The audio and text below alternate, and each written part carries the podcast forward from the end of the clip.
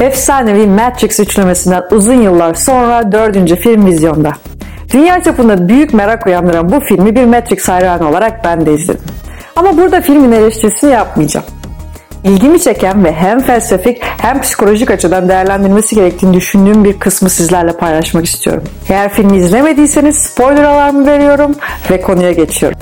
Bence Matrix 4'ün en kafa karıştırıcı sahnelerinden biri Neo'nun gerçek dünyada ve güçlerini geri aldıktan sonra uçmayı başaramamasıydı. Nedense Neo önceden sahip olduğu bütün yeteneklerini geri kazanamadı. Filmde Trinity bile Neo'dan önce uçmayı başardı ve bu filmin en çok tartışılan konularından biri haline geldi. Peki neden? Neden Neo uçamadı? Neo'nun neden tüm güçlerini geri alamadığını anlamak istiyorsak ilk önce geriye dönüp güçlerinin nereden geldiğini anlamamız gerekir. Bunun için de onun önceki filmlerde geçirdiği 3 dönüşüm aşamasına bakmalıyız. Bunların ilki mavi yap aşamasıydı. Her ne kadar hayatında olanlardan şüphelense de bunu değiştirmek için herhangi bir şey yapmadığı, gerçekten tamamen habersiz olduğu evre. Bu evrede Neo bilgisayarlarla belli yeteneklerini göstererek Morpheus'un dikkatini çekmeye başladı. Buna aynı zamanda potansiyel aşaması da denebilir. Çünkü burası insanüstü yeteneklerini ortaya koyabilen kişilerin yani potansiyeli olanların kırmızı hap aşamasına geçmeleri için ilk adımdı. İkincisi kırmızı hap aşamasıydı. Burada Neo Matrix'ten ayrılıp simülasyonla savaşmak ve onu manipüle etmek için eğitime başladı. Dövüş ve diğer tüm eğitimler beynine bu evrede yüklendi. Bunlar doğaüstü yetenekler değildi. Herhangi bir başka kırmızı hapı alan kişinin de alabileceği sıradan eğitimlerdi. Egzersizlerden biri de atlama testiydi.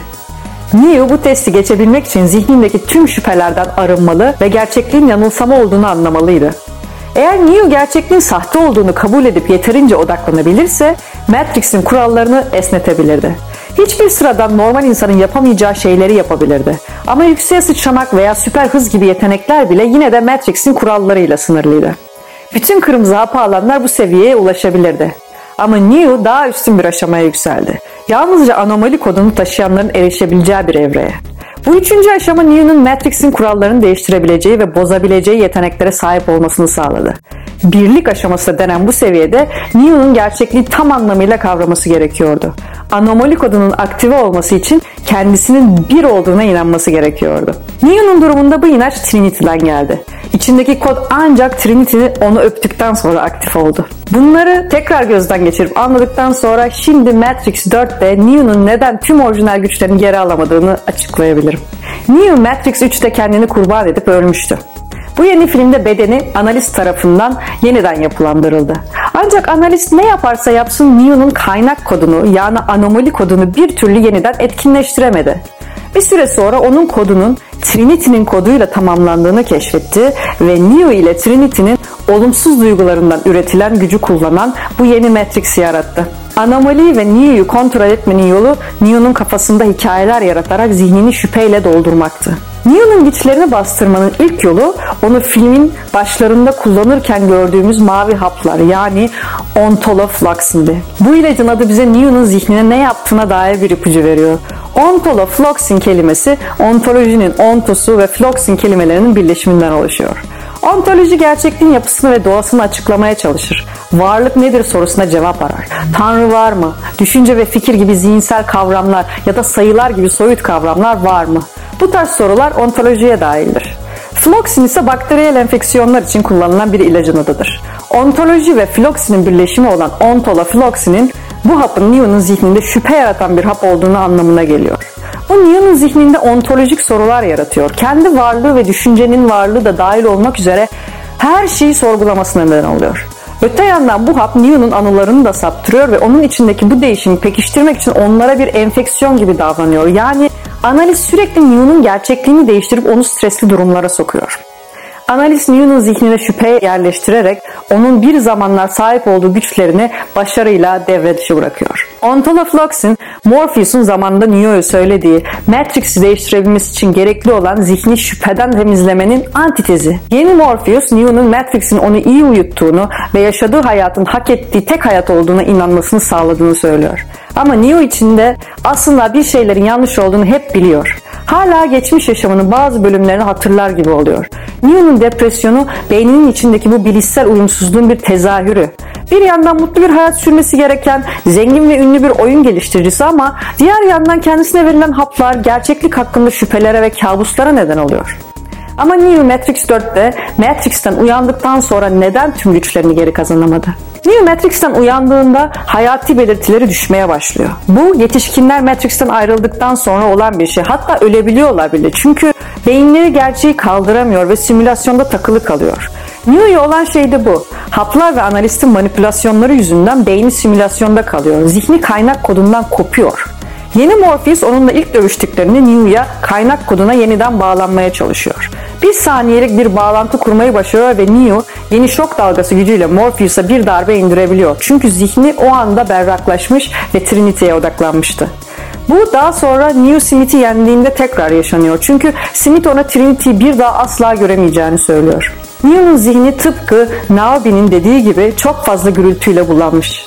Artık neye inanacağını bilemiyor. Gerçek dünyada uyanmasına rağmen yaptığı fedakarlığın boşa gittiğini düşünüyor. Çünkü Matrix'i daha kötü bir halde buluyor. Neo'yu gerçeğe bağlayan tek şey Trinity. İşte bu yüzden onun düşündüğünde veya yanında olduğunda güçlerini yeniden etkinleştirebiliyor. Trinity'nin durumu Neo'dan biraz daha farklı.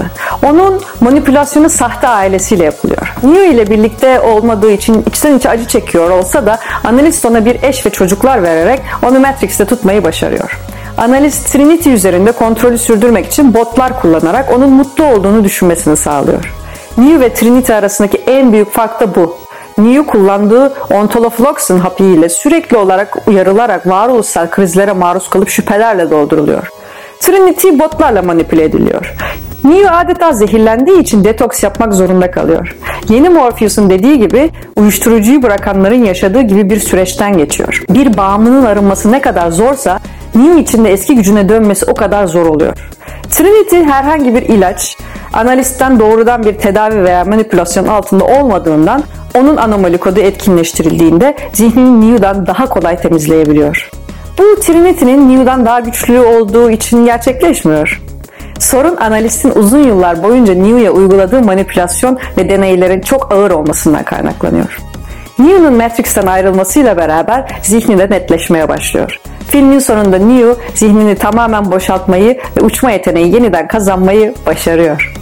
Film depresyon ve anksiyete gibi mental sağlık sorunları olan insanlara atıfta bulunuyor.